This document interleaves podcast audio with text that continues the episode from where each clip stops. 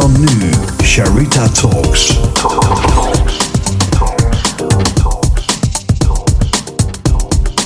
Sharita Talks. Embrace your vulnerability. Sharita Talks. Welkom bij weer een nieuwe aflevering van Charita Talks met deze keer Sabine Oerlemans. Voor Sabine is verbinding een van de belangrijkste dingen in het leven.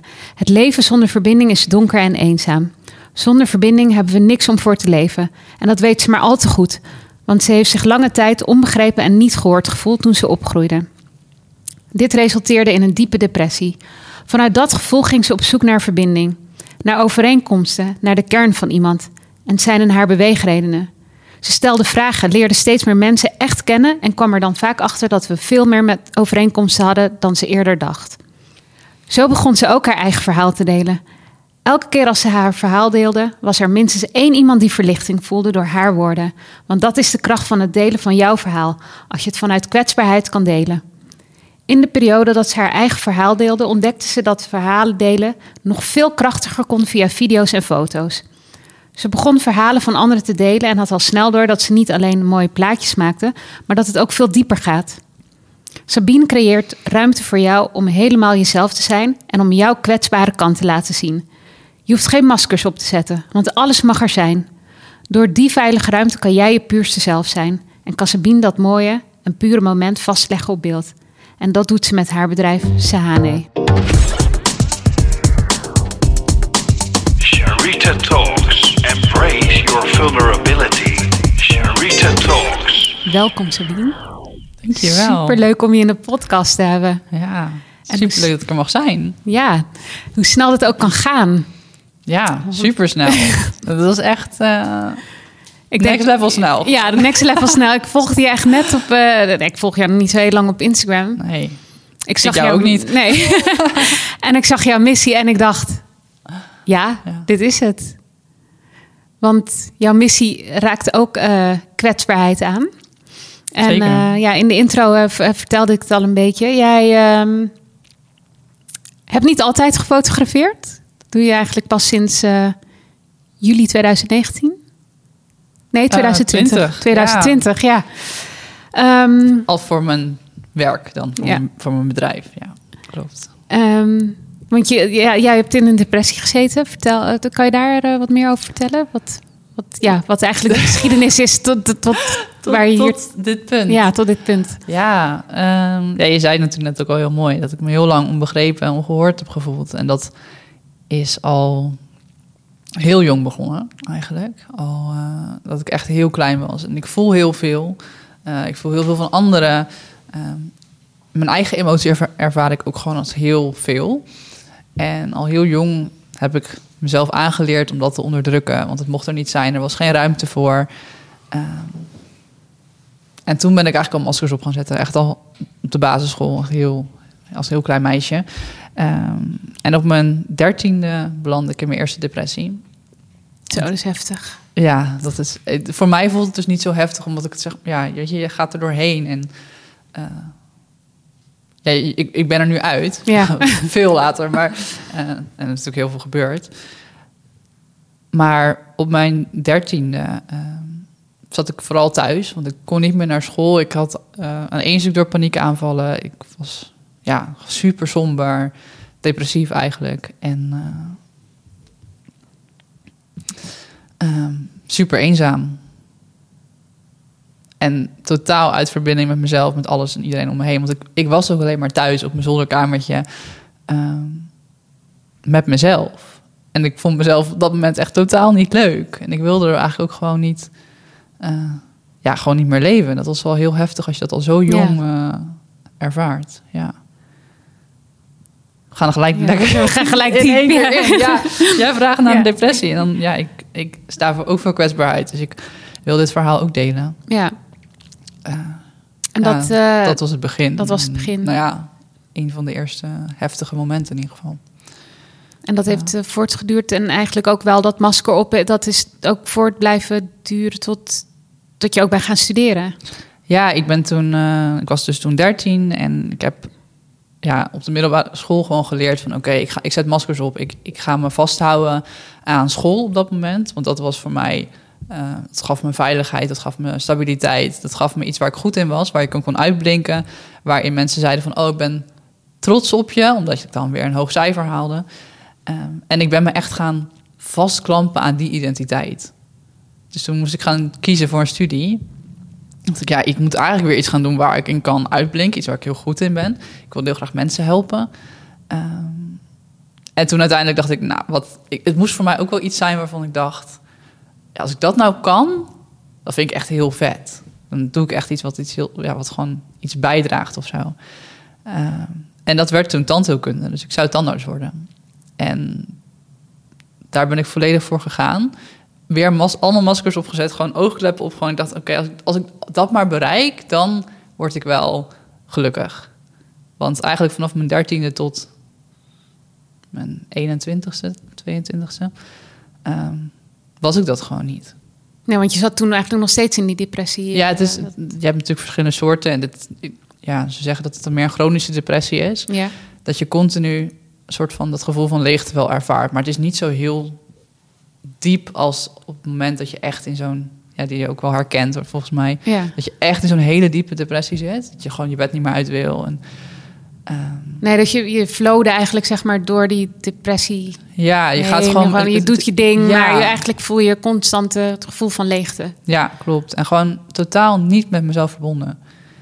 En, en voor mij, en we hadden het er natuurlijk net even over. Jij van jij hebt het al heel jong ontdekt. En wat voor mij het verschil heeft gemaakt, is dat ik. Eh, ik had mijn bachelor gehaald. En ik moest daarna nog drie jaar voor de master om echt tandarts te worden. En die zomer ben ik een maand naar Vietnam geweest met een vriendin. En toen heb ik alles losgelaten. Gewoon, ik was een soort van nieuw mens. Ik voelde me ook echt een nieuw mens. Ehm, alle hokjes liet ik los. Ik, ja, weet je, ik was natuurlijk wel nog steeds die student die studeerde. Maar Ja. ik weet niet, ik, ik kon het soort van loslaten en het echt zo van me afschudden. Ik heb daar ook heel veel geslapen, want ik was ontzettend moe. En toen kwam ik terug en toen moest ik weer gaan studeren. En toen, ik kon het gewoon niet meer. Het was toen binnen een paar weken eh, nadat ik terug was, was mijn beste vriendin van toen was jarig. En het was haar, dus haar verjaardag. Met ongeveer alle mensen, alle vriendinnen die ik had, die echt belangrijk voor me waren. En ik kreeg echt een enorme paniekaanval. Maar echt, ja, ik was natuurlijk al bekend met paniekaanvallen Ja, vanaf dat precies, ik jong ja. was. Ik wist dat ik niet dood ging, want ik wist dat het zeg maar wat het was. Maar ik dacht, hè, waar komt het nou vandaan? En ik schaamde me kapot, want iedereen die, die, ja, die soort van belangrijk voor mij was op dat moment, bijna iedereen, die was daar. En die zag dat ik gewoon compleet instortte. Terwijl ja, ik had nog steeds al die maskers op. dus Ik deed nog steeds alsof het allemaal supergoed ging. En, en ook wel bijzonder dat je schaamt terwijl je eigenlijk bij de mensen bent die belangrijk Ja, maar dat, omdat ik... Ik heb hem bij hun ook echt voorgedaan alsof ik iemand anders Oh, was. ja, ja. Want- ook dat masker op. Ja, die was er, dat was er altijd. Ik kon zelf niet eens meer het verschil zien. Oh ja, zeg maar, zo zo, heftig, zo heftig ja. was het.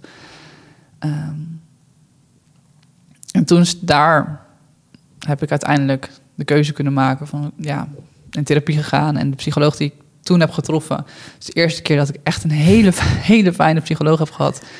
Ehm, die verder kon kijken dan van oké, maar wat is nou zeg maar, waar heb je nu wat aan, maar wat gaat nou echt helpen voor de rest van je leven? En dat was voor mij wel toch wel echt dat ik moest gaan vertellen over wat er in me speelde.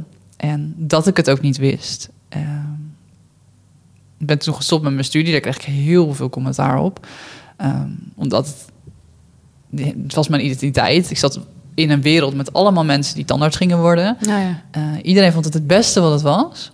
En natuurlijk super zonde dat ik 3,5 jaar had gestudeerd. Altijd was het super goed gegaan en dat ik het nu gewoon zo weggooide.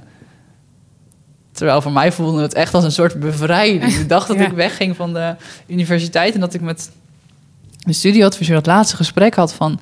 ik ga, hier, ik ga stoppen, Ehm, het is klaar. Ik fietste toen naar huis en ik voelde me echt een soort van alsof ik aan het vliegen was. Weet je wel, gewoon helemaal vrij. Ja, dat is Ja. echt genoeg. Ja, en dat, achteraf is dat super duidelijk. En toen dacht ik alleen maar, waarom, waarom heb ik dat niet eerder gedaan? Weet je, waarom heb ik mezelf zo vastgehouden hieraan?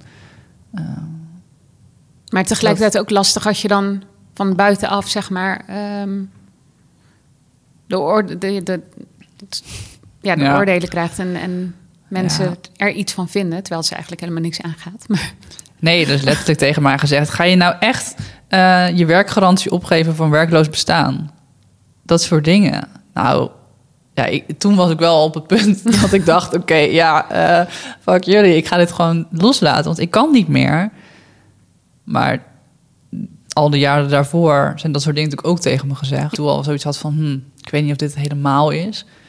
Maar ja, als dan iemand eh, die je moet helpen om die zo'n keuze te maken tegen je zegt: ja, ga maar gewoon even volwassen worden, want je moet hier gewoon mee leren dealen. Dit is het leven. Ja, dan doe je dat. ja, dan doe Ja, je dat. ja. Dan, dat is gewoon. Ja, je denkt dat een volwassen iemand, als je 18 bent en iemand van, nou ja, 60, dan denk je, zij weet hoe het leven werkt. Weet je wel, ik ga naar haar wel maar luisteren, want ja, blijkbaar ben ik degene die het allemaal niet snapt. Terwijl juist, ja, daar komt wel mijn drive vandaan, dat ik nu denk, ja, maar we moeten er juist over praten. Want als we nergens over praten, maar gewoon doen alsof het goed gaat en doen alsof we allemaal weten dat het hoort, dan voeden we ook weer kinderen op die denken dat dat de manier is. Ja. Terwijl, Ja. nee, gewoon niet. Nee, helemaal. e- Ja, oh, dat is, dat is echt een onderwerp. Daar ga ik al naar een rant komen. Hier een podcast over. Daar, daar mag echt wel wat in veranderen. En helemaal kin- met kinderen inderdaad. ehm, dat, dat doen wat, wat, waar je denkt dat op, wat, wat moet van de maatschappij. Ja, dat, dat, dat is echt niet de oplossing daar. En ehm, ga je jezelf uiteindelijk tegenkomen? Ja, of niet? Je, je volgt het gewoon wel tot, totdat je eh, doodgaat. Ja, Ja. dat bestaat natuurlijk ook. Ehm, maar ik denk dat je veel meer mensen in verbinding. Me- mensen krijgen die in verbinding staan met zichzelf als je dit eh, ruimte geeft. Als je ruimte geeft om zelf ehm, ja, te voelen wat, wel- welke kant jij op wil. Ja, En dat het niet 100%. allemaal is van eh, je moet eh, een baan of je moet die status hebben. En, dat dat niet het belangrijkste is. Nee, juist die vrijheid om gewoon het ook even niet te weten. Ja, precies. Het niet weten is. Ja, Ik, en daar zit ook het goud. ja. Zeg ik nu, heel stoer. Maar ik bedoel, als- ik, weet, als ik, ik kan ook echt gefrustreerd raken hoor, in mijn bedrijf. Als ik dan even in het niet weten mag gaan zitten. En dan denk ik ook, ja, maar ik moet het wel weten. ja, en we leven ook in een maatschappij waar alles snel gaat en Ja. dat, je, dat je het wel moet weten. Terwijl, nou ja, dat is waar je hele podcast over gaat eigenlijk. In ieder geval, Ja. hoe ik dat interpreteer. Ja. Ehm, juist die kwetsbaarheid, dat gaat ook over het niet weten en toch blijven staan. En zeggen van, oké, ik weet het niet. En het is even Precies. gewoon oké. ja, En ik denk dat het super belangrijk is dat we dat al heel jong meekrijgen. In plaats van dat we dat een keer moeten uitvogelen op het moment dat we echt heel erg in de shit hebben gezeten eigenlijk. Dat en, en wat je ook ziet is dat, hè, daar hadden we het eerder ook over, dat wat ik dan heel bijvoorbeeld heel erg constateer, is dat die dus op hoger niveau in, in de corporate wereld en ook in het bedrijfs, eh, bedrijfsleven en ondernemingen, dat eh, vaak mensen bovenin helemaal niet durven zeggen, ik weet het niet. En dus die kwetsbaarheid helemaal niet durven te omarmen en daarmee ook het team helemaal niet de veiligheid geven om zelf ook te kunnen zeggen, ik weet het niet. Dus daarmee creëer je gewoon een onveilige situatie. Ja. Ehm, dus ja, daar, dat is heel belangrijk. Te kunnen zeggen, ik weet het niet of ik heb hulp nodig. Dat was voor mij het punt dat ik dacht van, oh ja, wacht even. Ik kan gewoon hulp vragen. Hoe was dat voor jou de eerste keer dat je dan hulp vroeg? Ja, dat was eigenlijk heel, het was echt een gevoel van, van, van oh, echt van verlichting. Van, oh, het kan gewoon en er is, het is helemaal niet gek. Er zit geen schaamte op. Ehm, en ik hoef het ook niet alleen te doen. Dat was heel fijn. Bevrijdend was het. Ja, heerlijk. Ja. Ja. ja. En, en nu vraag ik altijd hulp. Ja. ja, het is ook Ja. gek dat we dat eigenlijk leren dat dat niet zou moeten. Ja, het is echt eh, helemaal van ja, dat, is sterk en onafhankelijk. Ja, nou nee hoor, ik eh, vraag gewoon hulp. Ik heb, eh, Ja, is dat dan niet sterk? Het is juist sterk Ja. als je hulp kan vragen en dat en, en het ego opzij kan schuiven, een masker af en Mhm. in die kwetsbaarheid durft te staan. En te zeggen van joh, ik, ik weet het nu even niet, kan iemand mij, kan iemand mij helpen? Ja, en hoeveel sterker wordt het ook als je gewoon de mensen die in- hun zone of genius zitten, als je die op de juiste plek zet, dan wordt het uiteindelijk natuurlijk alleen maar sterker. krachtiger, Ja, ja. Dus dan kan je het wel zelf gaan doen terwijl het eigenlijk niet helemaal jouw ding is. Maar ja, zet je iemand anders daar neer die dat gewoon wel fantastisch kan, dan wordt het alleen maar nog groter, nog sterker, nog krachtiger. Ja, maar dat, dat, dat, ik ben het helemaal met je eens. Ik doe dat ook met mijn bedrijf. Ik bedoel, ook de podcast die wij hier opnemen. Nou, je hebt het gezien. Ik, ik edit niet zelf. Ik, ik, laat het, ik laat het allemaal op. Ik heb daar gewoon, ik heb daar iemand voor die dat veel beter kan dan ik. En ik, ja, hoezo zou ik dat zelf moeten gaan leren en uitvogelen? Ehm, maar dat geldt, ja, ik vind dat heel belangrijk. Maar ook in, in privé, hè. Dus dat ook eh, gewoon, merk ik dat heel veel mensen het nog lastig vinden om hulp te vragen. En eh, nou, ik had laatst weer zo even een moment dat ik dacht, ja, ik ben er altijd voor iedereen. En nu, nu heb ik even nodig dat ik even kan gaan eh, uithuilen. Ja. En eh, toen zei mijn coach ook van, ja, nou, jij bent er altijd voor iedereen. Nu mag, nu mag jij ook even gaan rondbellen en appen en eh, vragen of er iemand voor jou kan zijn. Dat heb ik toen ook gedaan. Maar was het toen Ja. nog iets wat je tegenhield? Of ben je nu wel echt op het punt dat je dan gewoon denkt... Nee, ik heb het gewoon geappt. Ja, en ik ben gaan huilen aan de telefoon. ja, Ja, mooi. ja. Nee, dat was, was, dat was heel fijn. Ja. Kan zo opluchten gewoon het al even te delen Ja, soms. ja. Of verwacht natuurlijk in ieder geval vaak het idee dat we nog gelijk iemand moeten helpen. Terwijl soms is alleen het luisteren. Ja, oh, dat, dat, dat is ook inderdaad eentje. Dat, en dat is ook heel mooi om aan de luisteraar mee te geven. Alleen het luisteren is al vaak voldoende. Want als iemand echt hulp vraagt, dus echt van... kan je mij helpen met, met dit probleem oplossen? Dan vraagt iemand echt hulp. Maar soms vraagt iemand ook gewoon alleen maar... kan je even naar me luisteren? Vraag geen oplossing, maar gewoon... En, en dat wordt vaak ook dan over het hoofd gezien. Dan gaan mensen in de oplossingsmodus zitten. Terwijl die andere persoon dacht, ja, maar dat vroeg ik helemaal niet. Ik wil gewoon even dat je er bent. Ja, en dan ga je eigenlijk weer helemaal voorbij aan dat gevoel dat iemand... waarom iemand het wil delen, zeg maar. Ja. Het gaat, ja... Ik bedoel, de meeste mensen, volwassen mensen weten gewoon... oké, als ik even mijn schouders onderzet... dan kom ik er ook wel weer uit en weet ik wel wat ik moet doen. Maar dat, Ja. dat is juist wat je niet wil. Je wil juist even gewoon die emotie laten zien. Gedragen worden, dat is ja, het. Ja, precies. Ik, had- ik had het laatst toevallig op, op, eh, op Instagram gepost, inderdaad. Van, ehm, als ik hulp vraag, is het gewoon. Als ik echt specifiek om hulp vraag of advies, dan, dan merk je dat wel. Maar soms wil, wil ik ook gewoon alleen maar dat gehoord worden, even gedragen en that's it.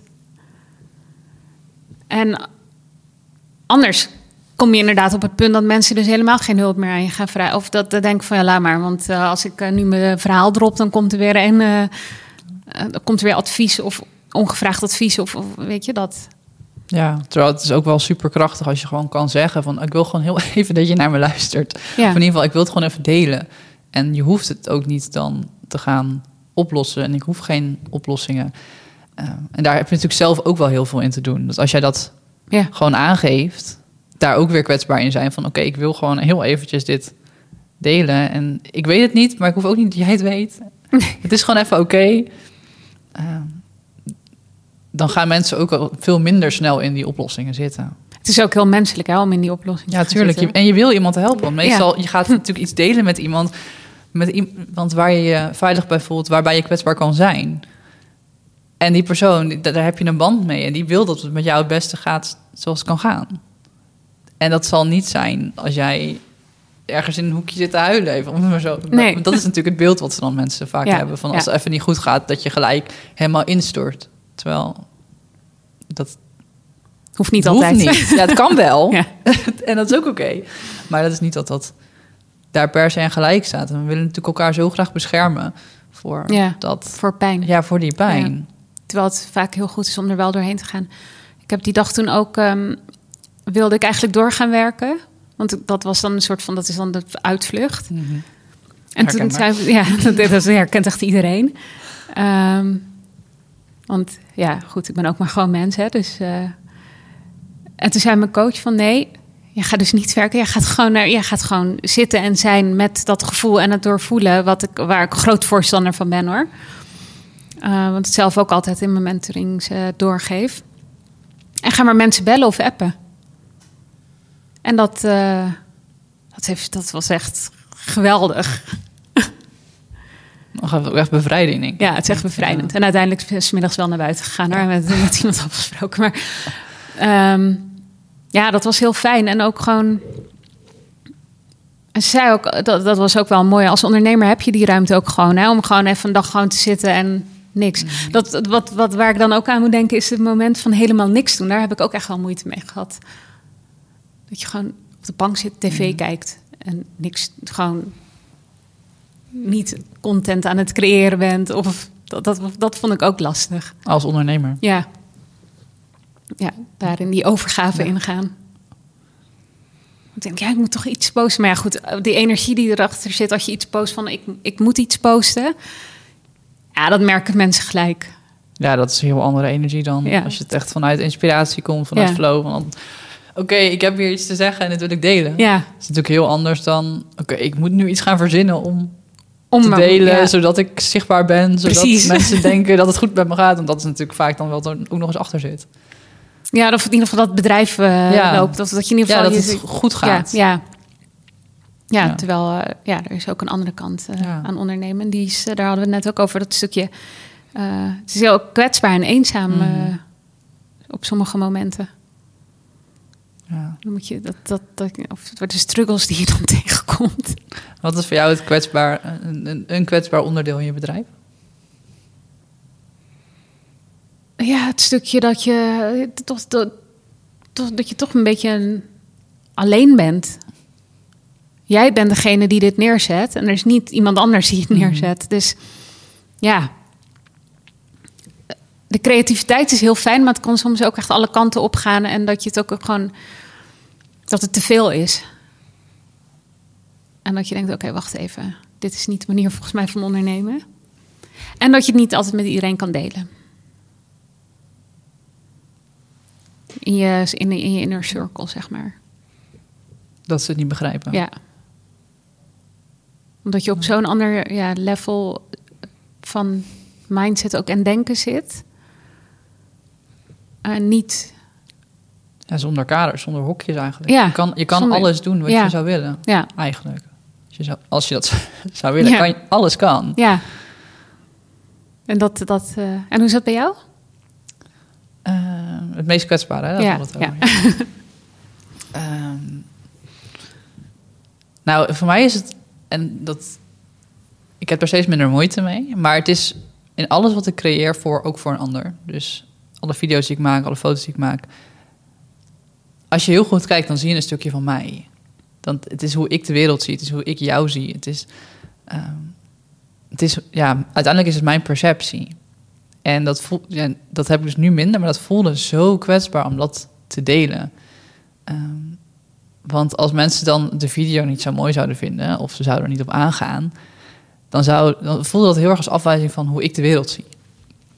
Terwijl dat, dat, ja, dat is natuurlijk helemaal niet waar, het om gaat. Nee. Maar ook de kwetsbaarheid in dat durven toegeven. Van ja, oké, het, het, het gaat me echt aan mijn hart. Alles wat ik maak, dat gaat me zo aan mijn hart. Het voelt heel kwetsbaar om dat te delen. Ik vind het ook elke keer weer spannend als ik het naar een ondernemer mijn werk opstuur. En dan denk van, oh, ik hoop echt dat ze, dit, dat ze het net zo voelen als ik. En over het algemeen is dat ook gewoon zo. Eh, en is iedereen super blij. Maar dat is wel elke keer weer even die kwetsbaarheid opzoeken. Van oké, ja, Oh ja, mooi. wat, wat, gaan ze, Ja. wat gaan mensen ervan vinden? Ja, want je hebt, dus, je hebt een stuk van jezelf er ook in gezet. En je geeft jezelf bloot als... Ja, je geeft jezelf bloot. Ja. Ja, en ik voel ook heel erg de verantwoordelijkheid om het verhaal van de ondernemer gewoon zo mooi mogelijk, zo goed mogelijk neer te zetten. En zo goed mogelijk te vertellen. Dus dat, Komt ik wil het ook gewoon heel graag heel goed doen. Ja, ja. Ja. ja, dat begrijp ik ook wel. Ja, dat, dat, hoort, dat hoort er ook bij. Ja. Ik wil even terug naar het stukje dat- dat jij eh, terugkwam uit Vietnam. Mhm. En ehm, is dat een moment ook daarna gekomen dat jij dacht, eh, voelde van als, je, als ik naar, met mensen praat en de verbinding aanga en de vragen stel, dat we eigenlijk allemaal overeenkomsten hebben. En dat kwam daar ook het stuk fotografie en video, eh, dat- kwam dat allemaal teg- samen? Of was dat Nou, het is denk ik, het zijn tussen? verschillende paden die zeg maar tegelijkertijd liepen. Ehm, ik heb sowieso altijd al gewoon heel veel interesse gehad in mensen. En ik wil altijd weten waarom mensen doen wat ze doen. Eh, ik heb ook nog een jaartje psychologie gestudeerd. Ah. Ehm, maar dat hele schoolsysteem, dat, dat past gewoon niet zo bij mij. Ehm, maar dat is gewoon iets wat ik altijd al heel erg wilde. En mensen stellen zich heel makkelijk open bij mij. Eh, ik hoef maar een paar dingen te vragen en ik krijg gewoon een heel levensverhaal. Ehm, maar dat, eerst deed ik dat altijd door mez- terwijl ik mezelf gewoon een beetje zo op de achtergrond hield. Van oké, ik hoef niet zoveel te delen. Ehm, en door dit, he ja, dit hele proces waarbij ik dus wel ging delen van oké, het gaat gewoon even, gewoon echt heel slecht met me. En ik weet het gewoon even niet. Ehm, toen kon ik met mensen op een nog dieper niveau verbinden. Toen gingen mensen niet alleen het vertellen vanuit hun hoofd, want dat doen mensen natuurlijk ook heel veel. Mhm. Gewoon vertellen, de situatie vertellen. Ehm, maar mensen gingen veel meer vanuit hun hart praten. Want ik deed dat ook. En omdat we dat dan allebei deden, kwamen er zoveel mooie gesprekken uit. En mensen die dan ook durfden toe te geven van... ja, maar ik weet ook niet of ik op de juiste plek zit. En ik sprak natuurlijk heel veel studenten, zeker toen. Zoveel mensen die met hetzelfde worstelden. En die het er ook echt heel moeilijk mee hadden. Maar gewoon oogkleppen op en we gaan gewoon. En dan heel eventjes dat die maskers even zo afvielen. Ja, mooi. Ja, en dat, dat vind ik nog steeds echt een van de mooiste momenten als dat gebeurt. Als je gewoon ziet van iemand kan even gewoon vanuit zijn hart praten. Ja, en dat, hoe dat fotograferen en de video erbij is gekomen, dat, ik doe dat al heel lang. Ik fotografeer al heel lang. Ehm, en ik wilde daar uiteindelijk, het heeft het dus, ook omdat ik het heel kwetsbaar vond, heeft het best wel even geduurd voordat ik daar echt van dacht van, oh, ik kan hier ehm, ja, mijn brood mee verdienen en ik kan hier gewoon van leven. Eh, ik kan hier geld voor vragen, überhaupt in het begin. Eh, en toen ben ik gewoon begonnen met ondernemers helpen met foto's maken voor marketing, voor social media. En ik merkte al heel snel van, ja, als ik alleen maar gewoon wat leuke plaatjes maak, dat, dat is het niet. Dat, dat, dat, dat raakt mij niet. Dat beweegt mij niet. Ik vind het leuk, maar het is niet iets wat ik nog heel lang wil doen. Op deze manier. En toen kwam het een soort van samen, want toen dacht ik, oh, maar ik kan ook die, die, die diepgang die ik bij mensen vind, ook vastleggen. En mensen stellen zich al heel makkelijk open eh, voor mij, dus ze lieten al heel veel zien. Maar het kan nog net een stapje verder. En met de video's is dat nog meer natuurlijk, want dan kan Mhm, ik echt je verhaal gaan vastleggen. Dan, kan, dan hoor je praten. Ehm, en daarin is het ook super belangrijk dat je vanuit je hart kan praten. En dat je niet het verhaaltje gewoon maar voorleest. Nee. Weet je? Want dat, dan kan je een heel mooi verhaal hebben. En dat, dat kan al mensen raken. Maar kan je het echt vertellen vanuit je hart, dan kan je echt de hele wereld bewegen. Mhm. En ja, en zo is dat bij elkaar gekomen. En is dat, ja, dat is gewoon waarvoor ik nu, waarvoor ik leef eigenlijk. Dat mensen meer vanuit hun hart leven, meer zonder die maskers. En ik kan daar nu ondernemers mee helpen die ergens op een bepaald niveau diezelfde missie hebben. Om vanuit da- daar zeg maar nog de cirkel weer groter en groter en groter te maken. En dat, ja, zo voelt dat. Ja, het is echt ja, het is heel mooi, want, ik, ik, want dat masker af, dat, daar hebben we het nu een paar keer over gehad. Ik ben wel benieuwd naar, is, hoe is dat bij jou gegaan, zeg maar? Is dat, ik, ik kan me voorstellen dat het niet meteen na Vietnam dat dat masker af was. Ehm, nee. Maar hoe is jou- jouw proces daarin geweest? Ehm, nou ja, bij mij, ik was dus in Vietnam geweest en daarna kreeg die paniekaanval. En daar ging al wel een maskertje af. Want ja, ik moest in ieder geval laten zien dat het niet goed ging. Ja, Ehm, en dat moest ik ook wel echt gaan ownen. Want tijdens die studie die ik toen nog deed, ehm de tandheelkunde, je behandelt ook echt patiënten in de, op de universiteit. ah, oké. Ik kon natuurlijk niet hoe het ging patiënten behandelen. Dat ging niet, want ik kon niet eens voor mezelf zorgen. Ik kon, hoe kon ik überhaupt een, een, zeg maar een vulling, een, een kroon of een brug maken bij een patiënt, terwijl ik gewoon compleet aan het instorten was. Dus ik moest al heel snel toegeven van oké, het gaat niet, ik moet hiermee stoppen. Eh, toen was dat nog tijdelijk. Ik heb toen ook nog best wel een tijdje wel volgehouden van oké, maar ik ga wel dit afmaken, want weet je, ik heb een, ik heb een, een, Ja. een missie, ik ben- ik ga ergens voor.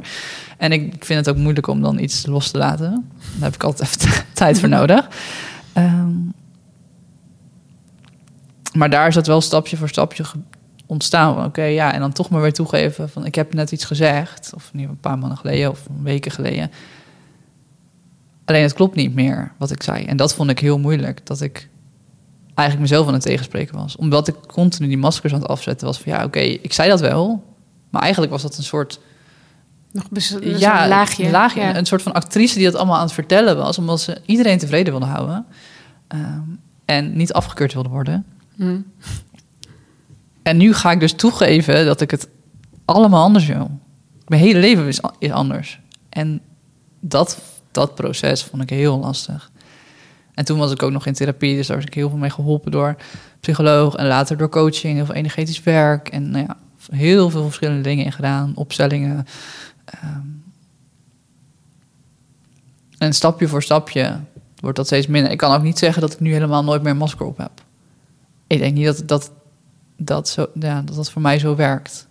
Dat continu ben ik toch weer een laagje aan het afpellen. Kom je toch weer net ergens iets verder. Ook omdat je zoveel ideeën hebt over jezelf.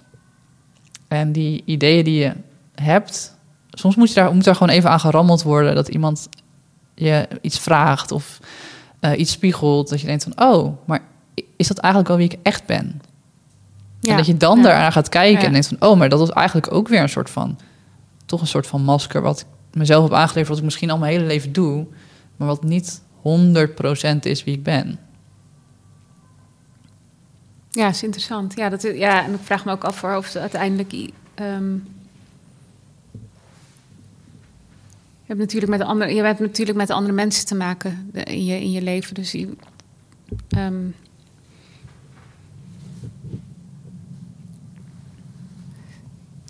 bij ik ben even aan het nadenken. Dat, dat, ja, bij, ja, bij je dan, kan het dat je bij sommige mensen dan toch weer een, masker opzet? Misschien Ja, en misschien er ook gewoon voor kiest... dus- om even niet kwetsbaar te willen zijn bij die persoon. Ja, Van, ja, wil je dat? sommige mensen voelen namelijk niet echt veilig. En dan, Nee. dan en ja, is dat wel eh, goed dat je jezelf kan beschermen, zeg maar. Ja, precies. Ik denk ook dat het. Maar dan is het vaak wel een iets meer een bewustere keuze. En dan Ja. kan je bewuster zo'n masker opzetten. En hoe meer je eh, natuurlijk mee bezig bent en jezelf leert kennen, hoe makkelijker dat wordt. Ja, En nog steeds denk ik dat het ook altijd een ongoing process is. En dat, dat we nooit uitgeleerd zijn. en Dat nee, zeker weer niet.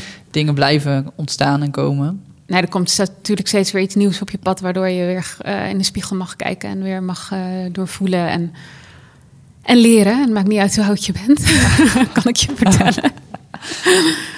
Ehm, ja, want eh, je, hebt dus toen, je bent toen gestopt met je, met je studie... en eh, in de tussentijd was je in gesprek geraakt met mensen om je heen... en, eh, dan kwam je erachter dat kwetsbaarheid en verbinding heel, heel krachtig zijn... en dat daarin ook... ehm, jouw kracht zat om, om te connecten met mensen, maar ook de kracht van video en, en foto's. Ehm, hoe ben je uiteindelijk bij je bedrijf, wat echt een prachtige naam heeft, Sa- Sahane. Ja. Want daar was, ik denk niet dat hij er meteen was. Nee. Nee, wat, wat Nou, die naam is er wel een tijd, maar ik heb het heel lang niet zo genoemd nog. ja, ik ben heel benieuwd naar die naam. Ja. Het is zo mooi. Wat betekent het? Nou, het is heel grappig, want ik heb dus... ehm, ik heb eerst al als mijn onderneming was gewoon mijn eigen naam, Sabine Oerlemans. Ehm, maar die- ja, ik, ik voelde wel dat er nog iets anders mocht zijn. En toen ben ik gewoon gaan zoeken naar... oké, wat zou kunnen met bijvoorbeeld mijn eigen naam? Ik heb drie namen, Sabine, Johanne, Francine. En ik ben daar gewoon naar gaan staren. En opeens zag ik echt letterlijk zo voor me Sane. En toen dacht ik, oké, ik ga dit nu googlen. Blijkt dit gewoon een Turks woord te zijn? Oh, echt? Ja, het is een Turks woord. En misschien spreekt het ook nog wel eens verkeerd uit, maar zo... In ieder geval, mijn Turks is niet heel goed, zeg maar niet. Ik was voor twee weken geleden in Istanbul en toen dacht ik... hm, oké, ja, jullie klanken zijn anders, dus misschien dat het net wat anders klinkt. Ehm, maar het is dus een, een samenstelling van mijn drie namen. En het heeft een Turkse betekenis. En het betekent... ehm, ja, ik ken de Engelse vertaling, of de Engelse betekenis. Fantastic, marvelous, Mhm. magnificent. Wauw. Die, dat, dat betekent het. En toen dacht ik, wauw, dit, is, dit klopt zo. Want ik wil jouw fantastisch mooie, geweldige verhaal vertellen.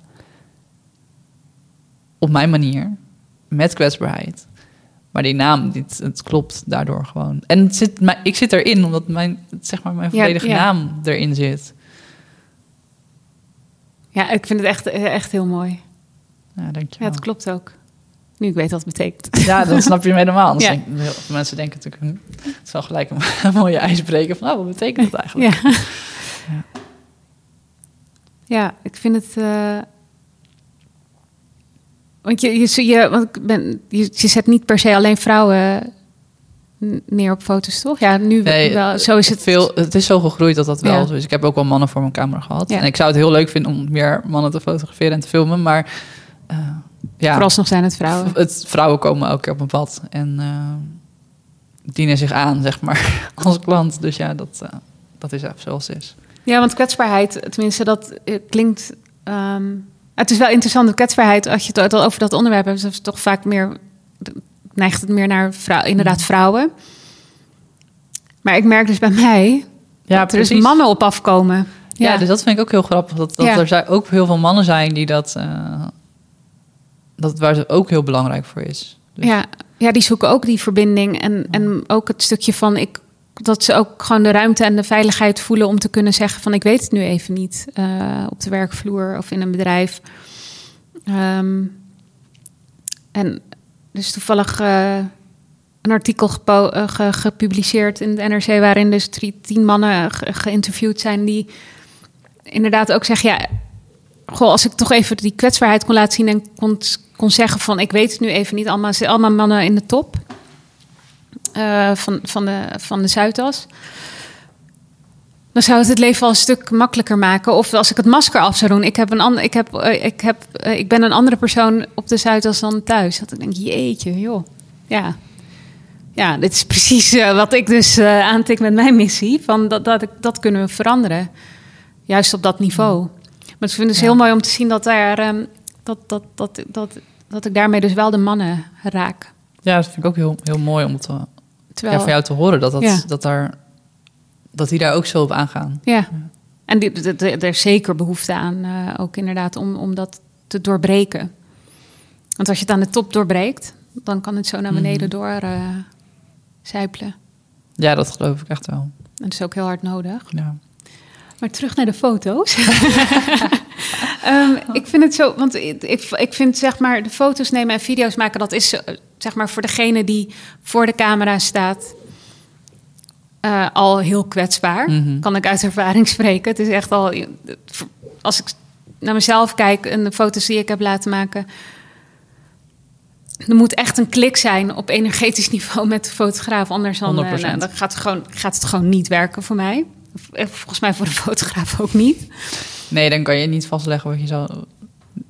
Je kan niet het mooiste van iemand vastleggen als je die klik niet voelt. Nee. Dat geloof ik echt 100%. Nee, dat, dat geloof ik ook. Eh, dat voor aan, aan beide kanten geldt. Maar als we het dan over kwetsbaarheid dus hebben, hoe, ehm, ja, hoe creëer jij dat, zeg maar? Ehm, hoe creëer jij die safe space om die kwetsbaarheid te kunnen laten zien? Ja, ik denk dus dat ik dat heel erg onbewust doe. Ik doe nee. er niet heel veel dingen echt bewust voor. Ehm, wat ik ergens ook al in het begin zei, want ik voel heel veel. Dus ik kan heel goed aanvoelen wat iemand nodig heeft. En soms is dat gewoon even drie keer ademen. En kan iemand dan gewoon zakken al in zijn lijf. En dan door, ja, ik denk toch wel echt door mijn energie en gewoon dat ik je kan dragen in dat wat er op dat moment speelt, wat je wil laten zien ehm, in de beelden dat daardoor gewoon het al gecreëerd wordt. Dat gewoon ja, het, het energieveld bijna uh, daarvoor zorgt. Ik, ik kan heel moeilijk zeggen, het zijn niet, ik doe drie dingen om te doen, dat te doen. Maar ik zorg gewoon dat ik je kan, eh, ja, dat ik je echt hoor, echt zie. Ehm, en ook omdat ik zelf zo diep ben gegaan, niemand schrikt mij af met zijn emoties, met eh, pijn, verdriet, woede. Ehm, ik heb zelf zoveel ervaren daarin al. Mhm. Dat, ja, kom maar op, weet je wel. Ik, ik, kan het hebben. Laat het maar zien. Je, je brengt mij niet zo snel van je stuk als jij moet gaan huilen... Omdat, om je, als je je verhaal aan het vertellen bent. Ja, ik denk dat dat een beetje de combinatie is. Van, van het krachtige, juist het hele krachtige van... Ehm, dat je dus de ruimte creëert om iemand helemaal duizend procent zichzelf te laten zijn. Ja. En haar verhaal mag doen. ja, en ik zou ook echt nooit oordelen. Nooit. Nee, En ik denk dat... ook niet handig. Nee, maar dat, ik denk dat dat wel... Ja. Dat moet je wel kunnen voelen. Ja. Dat er Ja. gewoon echt... Oké, ik mag alles zeggen. Alles Ja. mag er zijn. Alle tranen mogen er zijn. Alle frustraties mogen er zijn. Want soms is het ook gewoon heel... überhaupt wel heel spannend om te gaan filmen. Mhm. Ik bedoel, dat kan al heel veel teweeg brengen. Dus dat mag er ook dan gewoon zijn. We hoeven niet gelijk eh, van start te gaan en alles te, in, in, in één shot alles te hebben, alle shots te hebben, vast te leggen. Maar er mag ook gewoon even tijd zijn om te landen. Eh, misschien moet het drie keer opnieuw. Of misschien ja, heb je gewoon even iets anders nodig. En dan zorgen we dat dat er is. Waardoor je gewoon weer Veilig voelt. je veilig voelt. Ja. ja. Want eh, kan je een beetje beschrijven hoe, zo, hoe bij jou zo'n proces werkt van... als er een ondernemer naar je toe komt en zegt van... ik wil mijn verhaal eh, neerzetten. Want ik, het is juist heel, vind ik echt heel gaaf om te horen... dat jij dus voelt en eh, juist op dat energetische gaat zitten... en dan dingen binnenkrijgt. Ehm, m- maar hoe, ja, wat, ik ben wel benieuwd naar het creatieve proces, zeg maar. In combinatie met dan dat klik met de kwetsbaarheid. Mhm. Ehm, ja, ik vind het altijd super belangrijk om elkaar te spreken. Sowieso gaan we eerst even gewoon bellen. Want dat, dat we eerst voelen of daar al een klik is. Want als dat er al niet is, dan Nee. gewoon zeggen: oh, nee, sorry, maar ik denk gewoon niet dat ik de beste persoon ben voor jou. En dan zal je dat misschien zelf ook wel voelen. Ehm, maar als die klik er wel is, dan wil ik ook alles van je weten. Dus dan gaan we elkaar sowieso nog een keer zien. Want dan moet ik, wil ik alles weten, alles vragen. En daarin is dus ook. ehm, daarin laat je ook al stukjes van jezelf zien. Dus we hebben elkaar al heel veel gesproken voordat we je dan echt dat verhaal op camera gaat doen. Ehm, en vanuit daar ontstaat er bij mij inderdaad het creatieve proces. Waarin er een idee komt waarbij ik het al helemaal voor me zie. ehm, waarbij ik een concept bedenk en het helemaal uitdenk. Eh, en dat ga ik dan nog een keer aan je voorleggen. Dat moet voor jou dan ook weer helemaal oké voelen. En vervolgens gaan we pas filmen. Dus er zit ook wel tijd vooraf. eh dat dat ook voor dit stukje veiligheid, voor die kwetsbaarheid, dat daar ook gewoon ruimte al voor is. Ja, dus dat je, dat je dus echt wel ook al... ehm, het hele proces is eigenlijk al een heel kwetsbaar, Ja. kwetsbaar proces. Ja, want je, je deelt best wel veel met mij. En mensen delen dus ook heel makkelijk veel met me. Ehm, en het is ook niet zo dat alles wat, wat je dan deelt, dat dat dan in de video moet komen. Of dat dat, dat op beeld vastgelegd moet worden. Maar dat helpt wel om een verhaallijn neer te gaan zetten. Want uiteindelijk wil je natuurlijk een verhaal overbrengen. Ehm, en daarvoor, hoe meer ik weet, hoe makkelijker dat wordt. En hoe meer ik kan voelen wat er nodig is. Is het voor jou dan makkelijker om te connecten en, en eh, content te creëren... eh, als de missies van die ondernemers ook ehm, ja, iets van een kwetsbaar dieper verhaal raken? Ehm, ja, Ah, nee, dat maakt het ook makkelijk. Maar het moet in ieder geval iets zijn wat iemand echt leeft. Iemand moet het echt, zeg maar... Het moet niet alleen maar een praatje zijn wat iemand Ja, vertelt. precies. Dat is het belangrijkste. Dat het echt iemand aan zijn hart gaat. Dat, ik, dat het, zeg maar, voelbaar is in alles wat je doet. In de content die je maakt. eh, in dingen die je zegt.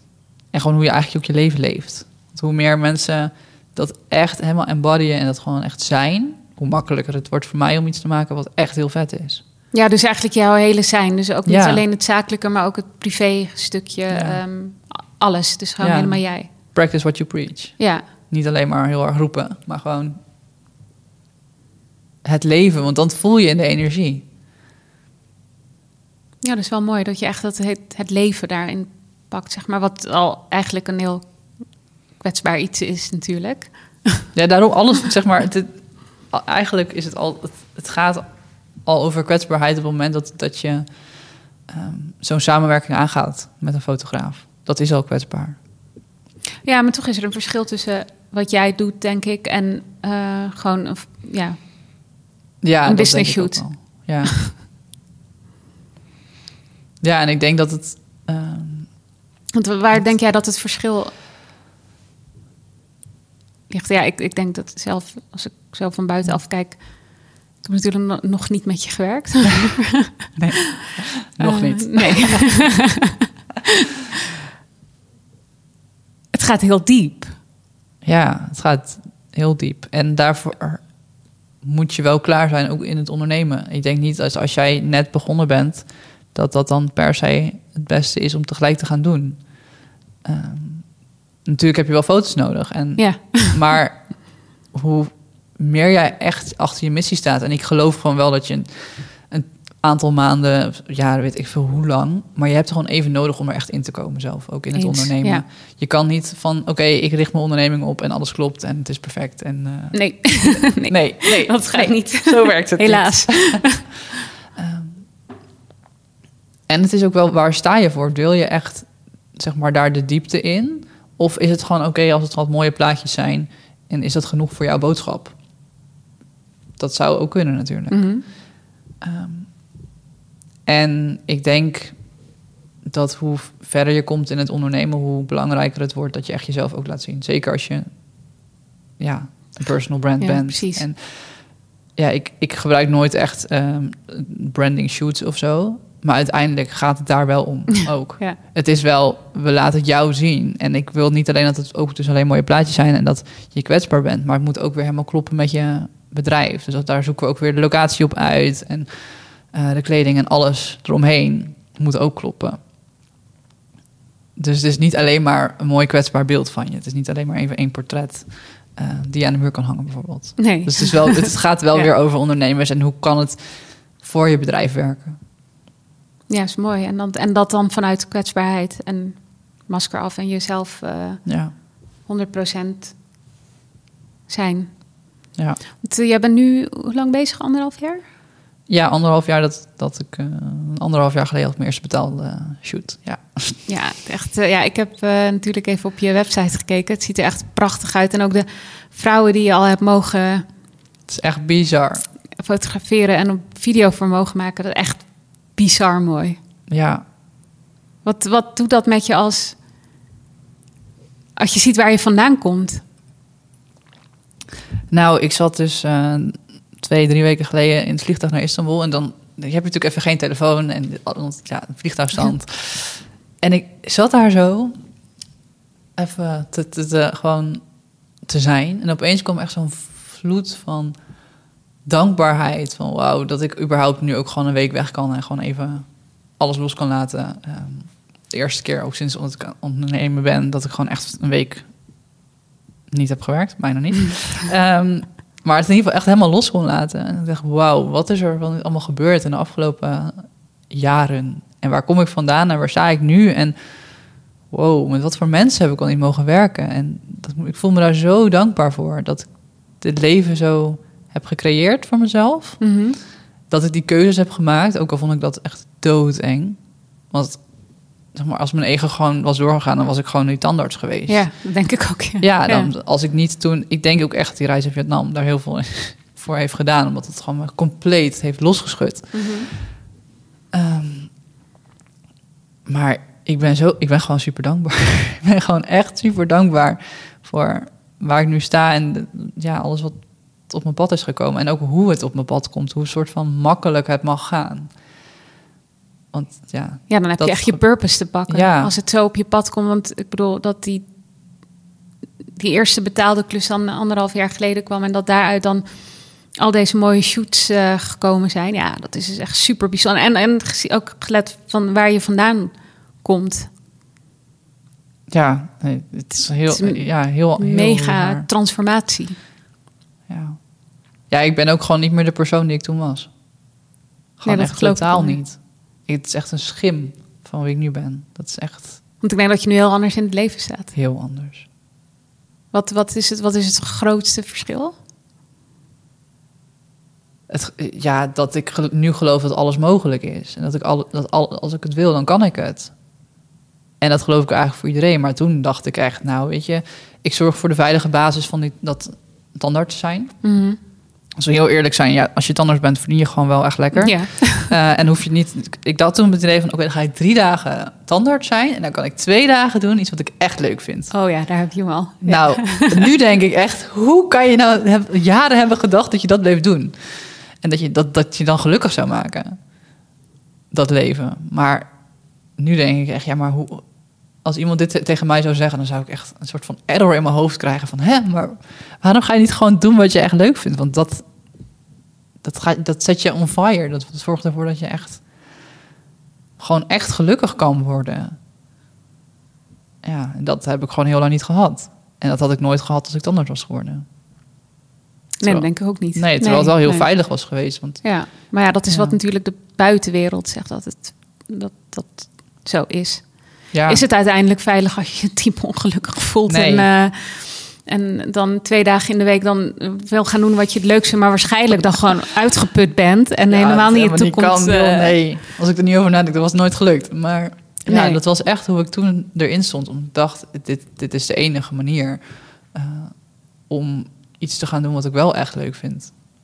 Want ja. gewoon in het schoolsysteem, ik paste er toch niet in. Weet je? Ik, ja, ik kon heel goed leren. Dat is mijn, echt mijn redding geweest. Ik kon heel goed me gewoon ergens in vastbijten en eh, studeren, blokken, zorgen dat ik mijn tentamens haalde. Wat, en Maar- welk gedeelte paste niet? het hele, je moet nu dit doen Ja. en dat. en eigenlijk ook wel, je wordt een soort van gehersenspoeld, vind ik, op school. Mhm. Ehm, dat het allemaal super leert. En Ja. dat dat echt, dat gaat het verschil maken. Terwijl, dat heb ik nooit zo gevoeld. Ik dacht alleen maar, oké, dit is mijn houvast, dit is mijn redding. Dit is het enige wat, waarvan ik, voor ik mezelf kan motiveren om mijn bed uit te komen. Ehm, omdat ik me dus ook zo eenzaam voelde. Hè. Dus ik, ik had echt het was voor mij gewoon heel makkelijk om me daaraan vast te houden en te zorgen dat ik gewoon een beetje overeind bleef.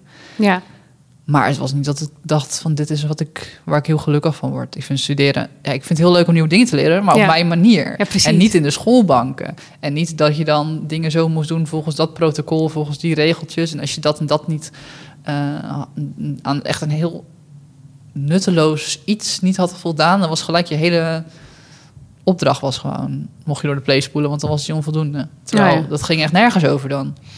En daarin had tandarts zijn ook helemaal niet gepast, omdat je daar natuurlijk Nee, alleen maar protocollen protocol. hebt. En dat frustreerde heel erg. Dat klopte ook helemaal niet. Maar ja, het is wel houvast. ja, En als je gewoon zelf niet weet wat je wil, dan is dat heel makkelijk om je aan zoiets vast te houden. ja. Ja, dat, ja dat herken ik wel. Ik, eh, ik heb... eh, ik ben ook... Na, ja, na de middelbare school ook gaan studeren, rechten. En ook gewoon, ja, dat... Want daarvan werd gezegd inderdaad, als je advocaat bent, dan, eh, hè, dan, dan Dan ben je Dan er. ben je er. Ja. nou. En toen achteraf- was je er. Nee. ja, nou ja, goed. Nou, het is niet helemaal. Maar het heeft me natuurlijk wel. En dat heeft jou denk ik ook wel. Het heeft me in die zin. Het heeft me wel veel gebracht. Want het heeft wel een bepaalde basis gebracht, zeg maar. En ik, bedoel, kan goed leren. Ja, goed, hè. Dat. Maar ik had eigenlijk achteraf misschien beter psychologie moeten gaan studeren. Gelet op wat ik nu doe, Mhm. zeg maar. En wat ik interessant vind, waar ik van aanga. En wat ik, wat, waar, waar, waar, ik, waar, ja, waar mijn hele zijn van op ligt. Nou ja, ik heb dus nog een jaar psychologie gestudeerd, maar dat is... Dat was het ook niet? Dat Nee, dus ik zou je die illusie halen. Dat, ik denk dat dat voor jou ook niet helemaal eh, had gepast.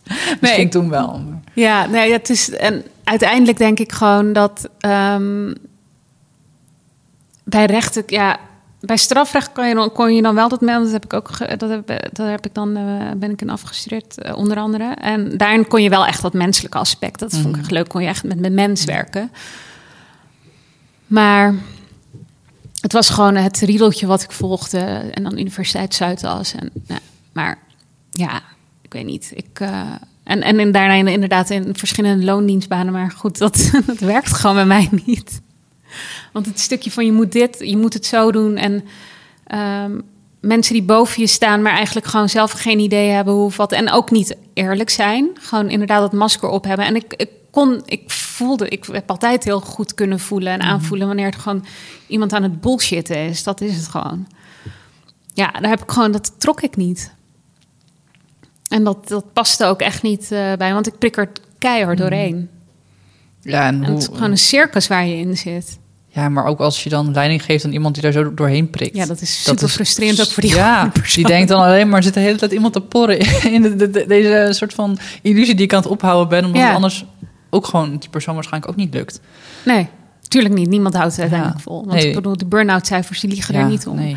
Dus ehm, nee, en, eh, en uiteindelijk daaruit eh, losgebroken. En natuurlijk heb ik nog wel mijn, eh, met mijn andere bedrijf, dat ik met me in, in de interimklus heb.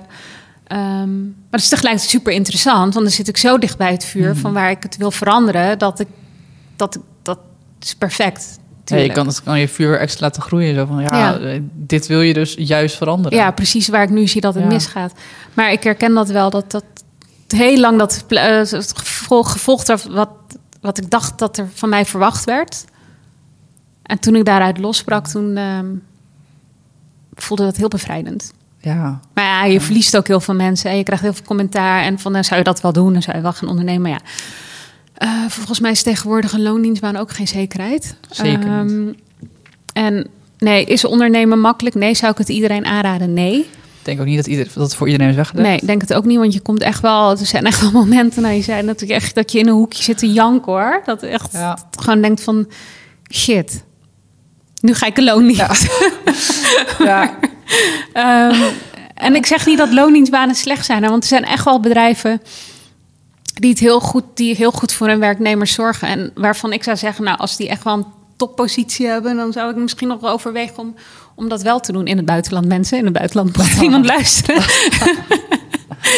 Ehm, maar dat.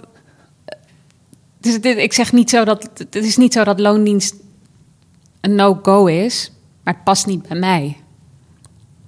Tenzij het bij een bedrijf is, wat ik net al zei, die je alle vrijheid geeft en je vertrouwen. de- Je, gewoon, je behandelt als een mens. En erop vertrouwen dat, jij, dat wat jij doet, dat dat goed is. En je ook kan laten groeien daarin. En je creativiteit de ruimte geeft. Ja, perfect. Dan zou, ik het misschien, dan zou het misschien wel weer passen. Maar die bedrijven zijn schaars. Dat is een hele nieuwe manier van, Het is een hele nieuwe van manier. ondernemen, Ja. van leiding geven. Van Ja. alles. Ze bestaan wel, volgens mij. Maar niet in mijn branche. Nee. Het is ook wel een branche waar je dan wel gelijk... eh, Ehm, en misschien ben ik de eerste die dit wel creëert. I don't know. Dat kan natuurlijk. Dat ehm, als ik kijk naar mijn eigen team.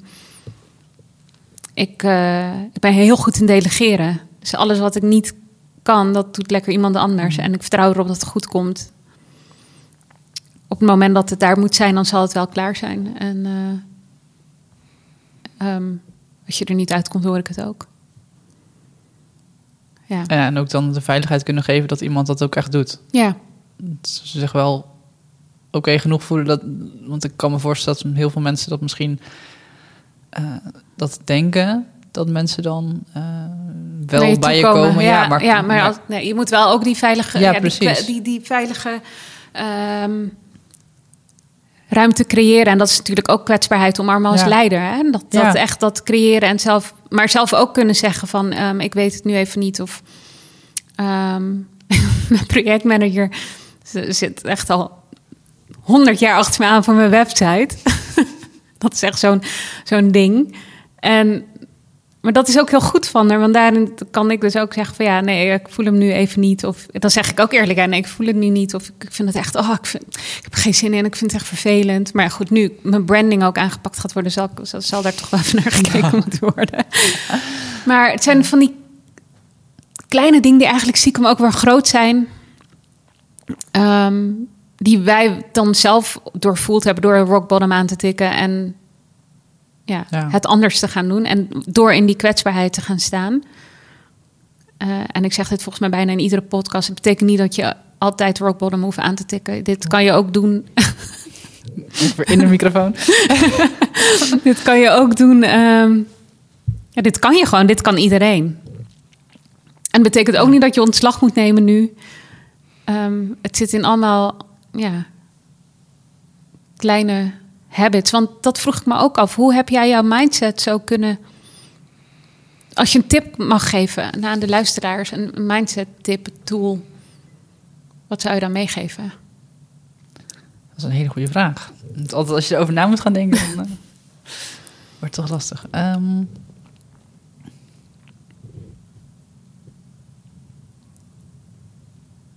ja, ik denk dat dat voor mij in ieder geval het allerbelangrijkste was dat ik me echt ging losmaken van alles wat andere mensen dachten. Dus gewoon echt heel veel de stilte opzoeken en alleen weg zijn gegaan. Dat dat daarvoor, daardoor bij mij gewoon een, een ruimte is ontstaan, waardoor ik dan mijn eigen, echt wat ik echt wilde, zeg maar, kon gaan voelen. En daar is elke keer, daar ontstaan de mooie dingen in. En vervolgens is natuurlijk dan de vraag: hoe ga je dit de wereld inbrengen? Hoe ga je hier echt iets mee doen? En daarin is het voor mij wel echt allerbelangrijkste om gewoon echt lief te zijn voor mezelf. En gewoon continu, ik kan heel hard zijn voor mezelf. Zelf heel streng toespreken. En trainen van oké, weet je, als het gewoon even niet gaat, dan is het oké.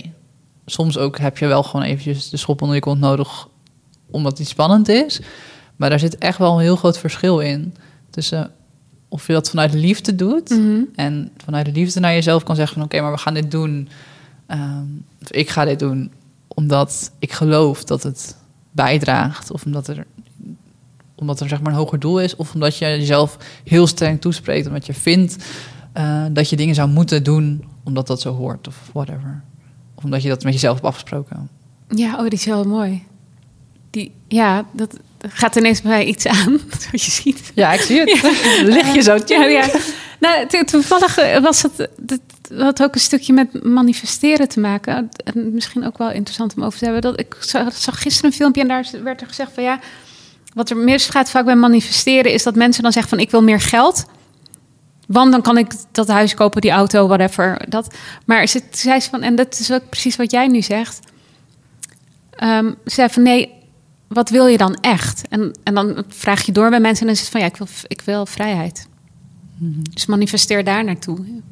En dan, dan zorgt dat er wel voor dat, dat je dus de vrijheid, het geld krijgt om uiteindelijk de vrijheid te creëren. Maar ook dus dat huis te kopen in die auto en, en al die dingen. En dan, jij zegt nu ook, jij zegt dat heel mooi, van de liefde naar jezelf. En wat heb jij nodig? Ja, die combinatie Ja. is echt het allerbelangrijkste. Want natuurlijk dat liefde naar jezelf, dat doe je eigenlijk- in ieder geval. Dat zou je, zou je elke dag mee bezig mogen, mogen zijn, kunnen zijn. Ja, Maar soms ook gewoon heel eventjes jezelf uit een, een situatie halen. En gewoon even vanaf een afstandje kijken van... oké, maar wat is nou echt inderdaad Ja. de bigger picture? Wat Ja. wil ik nou echt? Ja. Wat zit eronder? Ehm wat is het hogere doel? In plaats van dat je continu maar gewoon doorgaat. Want het is heel makkelijk om gewoon je werk te blijven doen... en gewoon door te gaan, door te gaan, door te gaan. En dan uit het oog te verliezen. Als je dan net ergens één keer net een beetje de verkeerde afslag neemt... dan kan je telkens ja. zeg maar zo. En dan kom je helemaal aan de andere kant uit. Dan word je tandarts en dat wil je helemaal niet. Terwijl als je nou net wat eerder dat andere, die andere kant op was gegaan, omdat je bij jezelf hebt nagegaan, wat wil ik nou echt? Dan kan je opeens wel op de plek uitkomen waar je echt uit wil komen. Omdat je gewoon vanuit je kern die beslissing neemt. ja, vanuit je, ja, vanuit je hart. Ja. En je hart weet het altijd, hè? Je hart is je eerste hersenen, hersen en dan komen je hersenen. Ja. Dat, eh, ja. ja, het is heel, echt heel mooi. Ik heb nog een laatste vraag voor jou. Kom maar op. Wat betekent kwetsbaarheid voor jou? Kwetsbaarheid van mij is mens zijn. En dan gewoon echt mens zijn. Gewoon zonder die maskers. Laten zien dat je het af en toe niet weet. Dat je twijfelt. Dat je soms verdrietig bent. Soms heel blij. Gewoon alle, alle aspecten van mens zijn. Als je dat altijd gewoon kan zijn, dan da- daar zit kwetsbaarheid in. Dat is kwetsbaar. Ja, daar ben ik helemaal mee eens. Dat is hem. ja, dat is hem. Voor mij. Ja, ja, ja, mee eens. Ja, volledig zelf zijn, masker af. Ja. Daarmee kom je ook weer heel mooi in verbinding met de anderen. Juist Ja. Juist, juist. Ja. En dat is uiteindelijk waar het natuurlijk al- in ieder geval voor mij ook heel erg om draait. Ja. Mooi, dankjewel. Alsjeblieft. Superleuk. Ja, dankjewel voor je tijd en eh, tot snel. Sharita Talks. Embrace your vulnerability. Sharita Talks. Mocht je nou meer willen weten over mijn één op één coaching, stuur me dan een DM via de social media kanalen of stuur een mailtje naar info@completingthecircle.nl en plan een kennismakingsgesprek in. Tot zover deze editie van Sharita Talks. Wil je meer weten? Ga dan naar completingthecircle.nl. Sharita Talks. Embrace your vulnerability. Sharita Sharita Talks.